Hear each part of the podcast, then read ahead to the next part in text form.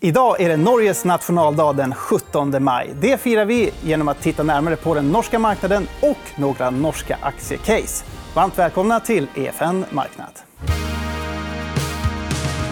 Och vi säger också välkomna till dagens gäster. Det är Marie Karlsson. Du är förvaltningschef för Nordiska aktiefonder på Nordea. Och så har vi Vegard Söronet, vd på investmentbolaget Aterium Capital. Välkommen hit. Tack. Visst är studion fin idag? Med anledning av 17 maj. Då. Fina flaggor. Eller hur? Väldigt fint. Ja. En bra nationaldag, Vegard. Ja, det är det. det, är det. Stort grattis. Hur brukar du fira? Nej, då går man i barnetåg, spiser mycket glass och är ute i solen, förhoppningsvis. Mm. Idag så ska vi titta eh, närmare då på Norge och spännande norska börsbolag. Eh, Jag tänkte att vi kan börja titta på Norge generellt. För där har ju inflationen faktiskt varit lägre än i Sverige även om det är eh, fortfarande långt över målet på 2% och Samtidigt så har den norska kronan tappat i värde. Idag kostar den eh, endast 97 öre ungefär. Och det är den lägsta nivån på flera år. faktiskt. Hur eh, går det för Norge egentligen?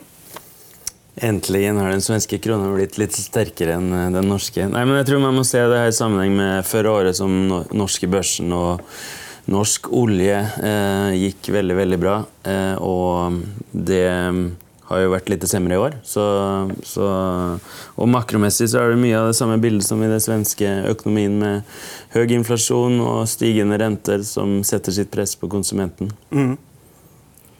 Jag, jag ser ju på den norska kronan utifrån ett mer europeiskt, alltså utifrån euron, egentligen ett europeiskt perspektiv, eller om man tittar på den utifrån dollarn.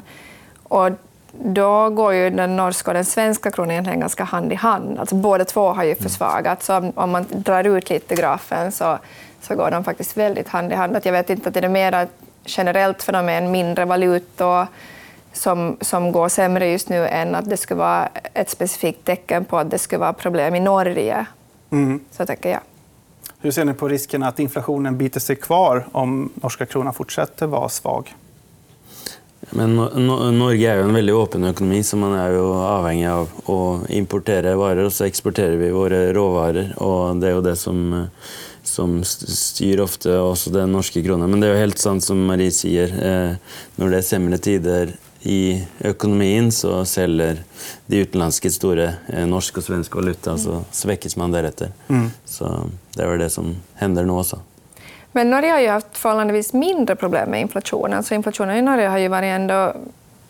I fjol var den betydligt lägre. Så att, norska riksbanken var ju också tidigare med att höja räntan. Så eh, jag, på något sätt, jag har varit lite mindre kanske orolig för Norge än för till exempel hur det ser ut i Sverige. Och den norska börsen har ju också gått lite svagare, upp 2% jämfört med Stockholmsbörsen som är upp 8% i år. Mm. Varför är det så? Ja, men jag tror oljan är bidragande orsak till det. I tillägg så har vi ju haft en, en ny regering som har genomfört en del eh, tuffa skattekutt som eh, också har gjort att kanske riskpremien på Norge har gått lite, eh, gått lite upp faktiskt, mm. för utländska investerare.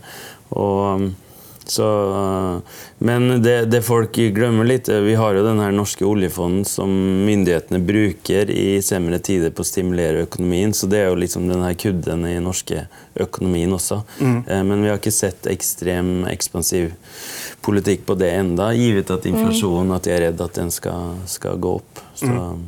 Men det, det, är ju med som en uh, säkerhet framöver. Mm, just det. Och det är ju, jag menar, samma i Sverige, väldigt låg statsskuld och sånt. Ja. Det känns väl inte som man behöver vara så jätteorolig för varken Norge eller Sverige med tanke på statsfinanserna. Och det finns ju rum att stödja ekonomin också, även i en mer restriktiv penningpolitik. Mm. Nu ska vi komma in på just de här norska börsbolagen. Då. Eh, och ni har valt ut tre stycken vardera. Titta lite närmare på. Jag tänker att vi kör vartannat bolag här så får vi en mm. bra och rolig mix. Och låt oss börja med ett bolag då som du, Marie, eh, har ja, hos er eh, på Nordea i fonden. Eh, det är Tomra Systems, eh, ett bolag som tillverkar pantsystem. Berätta mm. mer. Vad, vad är det här för bolag? Mm. Det är ett bolag som säkert de flesta är bekanta med, deras produkter. Det vill säga det är de klassiska pantmaskinerna där man pantar sina flaskor i butiken. Eh, de har också, producerar också en del maskiner för olika sorteringslösningar, men det här är kanske det som bolaget är mest känt för. Um, och vi i, i, Sverige, och i Norge och i Finland också så är vi väldigt, tar vi det ganska för givet att man ska panta flaskor. Men jag tog med en bild här för att lite belysa hur det ser ut i resten av Europa, för att inte tala om resten av världen. Men, men, på den här bilden så ser man vilka länder i Europa som faktiskt har ett sånt nationellt pantsystem som vi har. Och, och, där ser man faktiskt hur begränsat det är. Och det som är intressant med Tomra, vi har ett bolag väldigt länge, men det som hände för några år sedan det var EUs Single Use Plastic Directive som egentligen så gott som tvinga alla andra länder i EU också, plus att UK har ett motsvarande eget system, att gå in i ett sånt här, att rulla ut ett liknande pantsystem. Och här är Tomra är ju marknadsledande med en, en klar majoritet av som marknadsandel. Och, och de säljer de maskinerna som möjliggör att man ska rulla ut det här. Mm. Och, och, det här är ganska egentligen, det är, väldigt, det är marknaden väldigt medveten om. Men det som vi tycker är intressant är att när vi har, gjort, vi har grävt ner oss lite mer i det här och vad kommer det här betyda för Tomra på lång sikt, vi investerar på lång sikt. Och då har vi gått in och grävt lite djupare i de marknader som redan har ett etablerat system, alltså Tyskland, Sverige, Norge och så vidare. Och det vi ser är att de här marknaderna fortsätter, fortsätter utvecklas jätteväl, även efter den så att säga, initiala utrullningen av systemet så fortsätter marknaden att växa för Tomra som försäljningsmarknader på lång sikt. Och det här är något som vi tror att man kanske lite underskattar hur stor potentialen blir på lite längre sikt med tanke på replacement och eftermarknad och service. Mm. Så det är lite intressant. Vi kan titta på hur det har gått för Tomra senaste året. Här ser vi en kursgraf. Ja. Vegard, har du någon uppfattning om bolaget? Nej, men eh, Tomra, vi, vi, har faktiskt inte så många sådana typer selskaper i Norge. Eh, Tomra är kanske ett av få som eh, har en nischprodukt som eh, och har succé utanför Norge och Norden.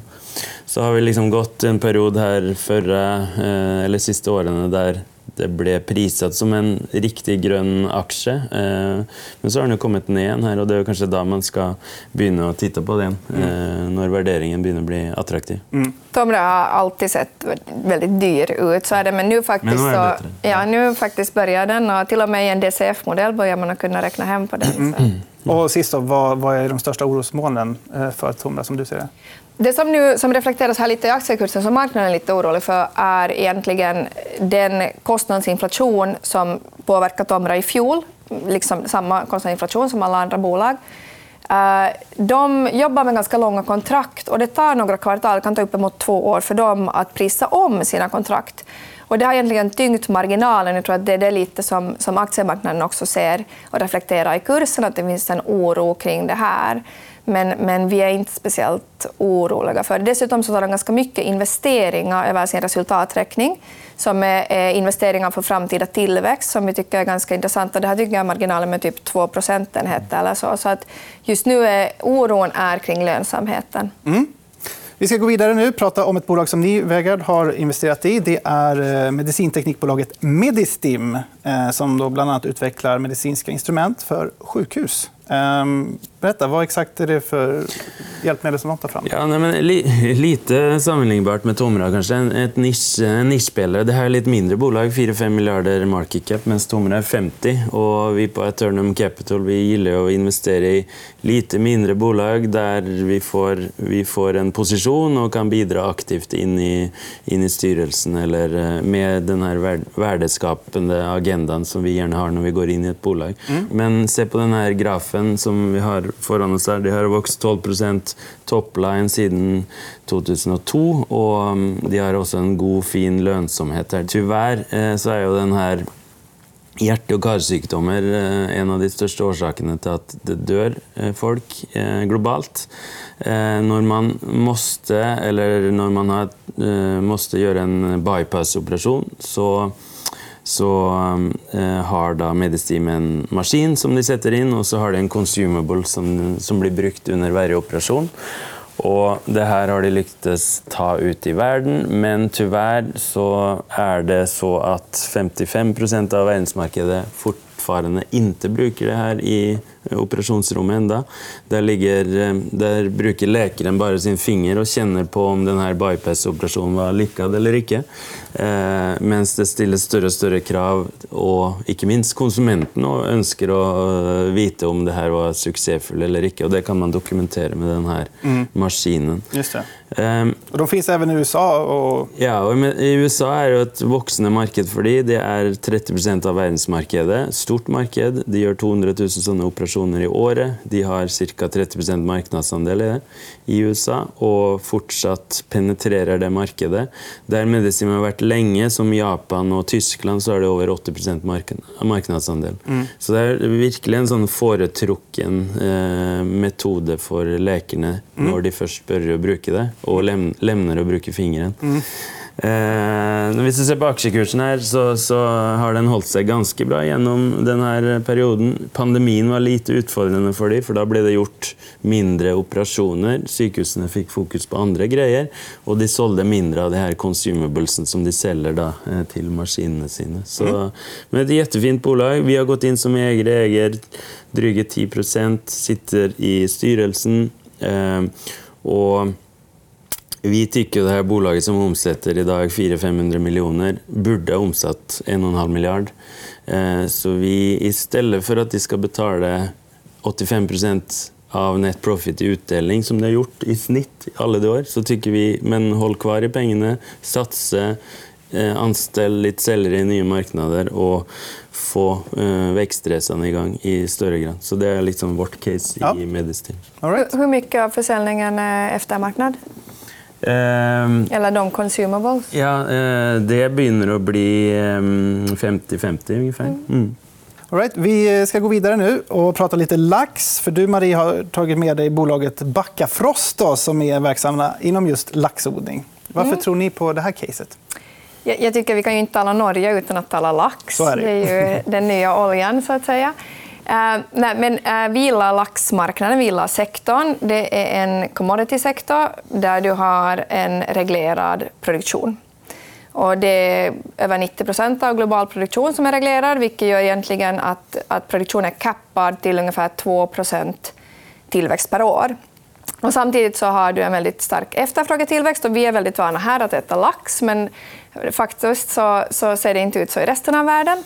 Och, och till exempel i USA under pandemin så var hälften av den ökade efterfrågan på lax kom från nya konsumenter som aldrig hade ätit lax förut. Mm. Och situationen ser lite liknande ut i Kina, väldigt igen mycket nya laxkonsumenter. Så stark efterfrågan, begränsat utbud. Och det här gör ju att, jag kommer ihåg när jag började titta på sektorn så tyckte man att priset på lax var jättehögt. Då hade det stigit från 20 norska kronor till 40 norska kronor. Idag kostar det 120 norska kronor. Mm. Så att, att den vila sektorn, Backafrost är faktiskt en av de få bolagen som kan växa produktion. För de, det är listat i Norge, men egentligen, de producerar på Färöarna framför allt. Och, och, där har de faktiskt hittat en metod där de faktiskt kan växa produktionen. Och det är väldigt ovanligt i sektorn. Så vi kan se double digit volymtillväxt från det här bolaget de kommande åren, vilket är väldigt unikt. Sen så har de också en, produktions, en produktionsfördel med att producera på, på Färöarna. Och det tagit med en bild som egentligen är en bild av, av, som bolag, är, den är lite kaxig nästan, men, men där ser man deras, det är ebit per kilo som Backafrost tjänar mot de andra norska laxbolagen. Och man ser hur de ligger, den röda linjen där, hur den ligger över sektorn. Och det här är egentligen en konkurrensfördel som bygger på att de är just producerade på Färöarna. Och det är ju, den geografin är väldigt svår att, att kopiera, så att säga. så vi ser det som en ganska uthållig konkurrensfördel. Ja, verkligen. Vegard, har du några tankar? Eh, vi på Atörnum har inte så mycket råvarubaserade bolag, men eh, jag hade hellre köpt ett laxbolag än ett, ett oljebolag. Så, och som Marie säger, det här är bäst i sektorn. Det har det alltid eh, bevisat sig på. Mm. Och det är väl nog med de naturliga konkurrensfördelarna de har på Färöarna också. Så det är spännande. Mm. Vi ska gå vidare och prata om ett eh, till case från dig, Vegard, eh, nämligen Carasent eh, som håller på med it-lösningar för vården. Till exempel elektroniska journaler och sånt där. Vad kan du säga om det här caset? Ja, nu blir det mycket hälsa för oss, men det här är ju lite sånn unionscase. Det är börsnoterat i Norge och har business i Sverige. Och de har ett fantastisk produkt som de har fått betydliga marknadsandelar inom privat vård i Sverige. Eh, og eh, som dere ser på grafen her, så har det vært en eh, konsekvent reise av økt omsetning og faktisk lønnsomhet også, som ikke er så vanlig i sånne type eh, nyetablerede eh, tech-bolag. Eh, selv om lønnsomheten har sluppet litt på siste tiden, men det er litt andre årsaker for det. Fordi de eh, her selger da denne pasientjournalen og får månedlige betalinger för kundene på det. Eh, og vi tror det er enormt potensial å vokse innom vården fordi eh, den er lavt på digitaliseringspenetrasjonen. Eh, problemet de har gjort de siste årene, er at de har kanskje eh, grepet over litt for mange markeder. De skal inn i Norge, har lagt mye penger på det. og ikke minst også UK, som de har utviklet et produkt for. Så nå gjelder det å fokusere det her bolaget och ta det nästa steg. Eh, ska vi kolla på kursgrafen också, hur det har gått för Carasent senaste året? Ja. Pekar lite neråt. Ja, den har varit lite motig för oss faktiskt, sedan vi gick in. Och vi har ju egentligen eh, som aktiv ägare, vi äger drygt 13 procent av bolaget. Vi har egentligen bytt ut hela styrelsen och vi har bytt ut CEOen. Och det är ett ansvar man måste ta eh, som aktiv ägare när man går in och og ting ikke fungerer helt. Det vi er veldig glade for her kvar, er liksom gründer eh, eh, med, med da Niklas Hugosson, som eh, har vært med og grunda det her. Og så har vi prøvd å bygge en ny struktur, eller nytt team, og ikke minst en ny styrelse som kan utmanne Daniel på veien videre. Men de er helt nå i, i støpeskjeen på å legge ny strategi og fokusområde fremover. Men det tror vi blir eh, bra. Mm. Eh... Og, og, for ikke si, Hvis du tenker på valuation, eh, de har jo en stor kasse her, og det var litt feilen som skjedde under, under de tidligere eh, styrelsene, at de henta mye penger uten å ha forvervskandidater. Eh, som en market cap her på 1,1 milliarder, så er nesten 700 millioner i kassa. Eh, så det er også feilkapitalisert. Ah, okay. men, eh, men, det prøver vi også å bidra med som aktive eiere. Eh, vi går vidare. Jag ska prata försäkringskoncernen eh, Gensidige Försäkring. Eh, ett bolag då som ni har investerat i, i Marie. Mm. Eh, berätta, vad, vad gör de? Det här, det här är faktiskt ett väldigt norskt bolag. Eh, de gör över 90 procent av sin vinst i Norge. Men det är, det är en norsk sakförsäkring. De är marknadsledare i Norge.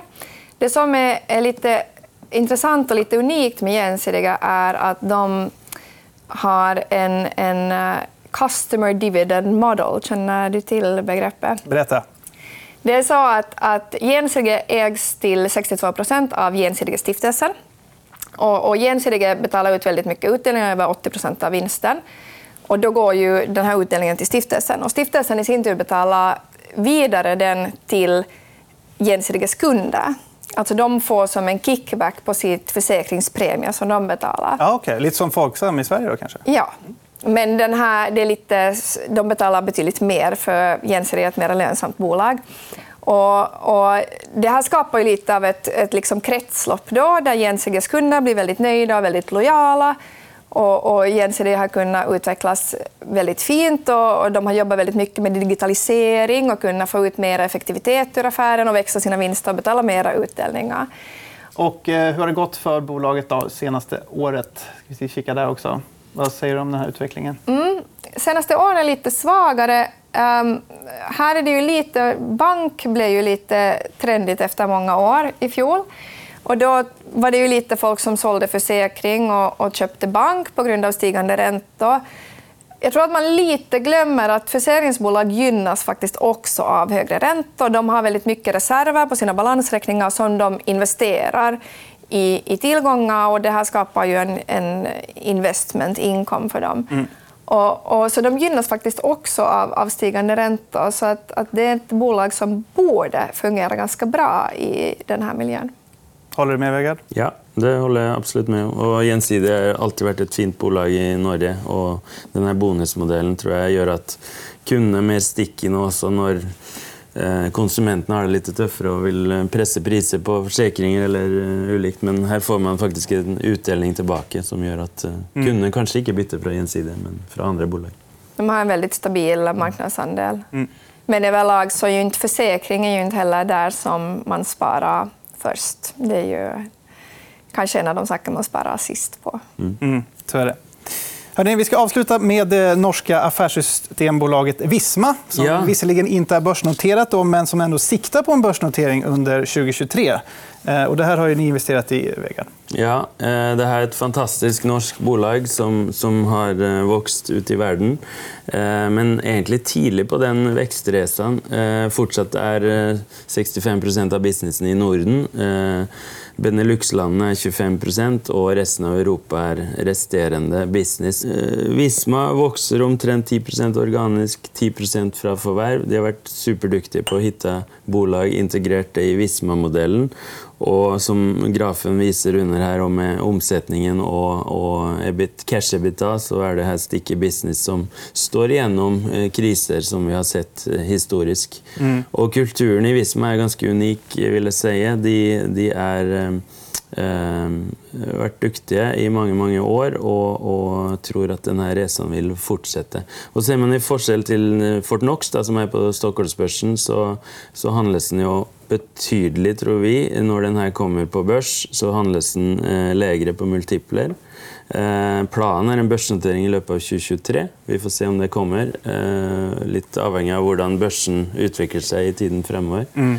Men eh, et bolag som vokser 20% om året, har en cash ebita-margin på rundt 25 eh, så tror jeg det her kan være en spennende aksje å eksponere seg mot den dagen den kommer på børs.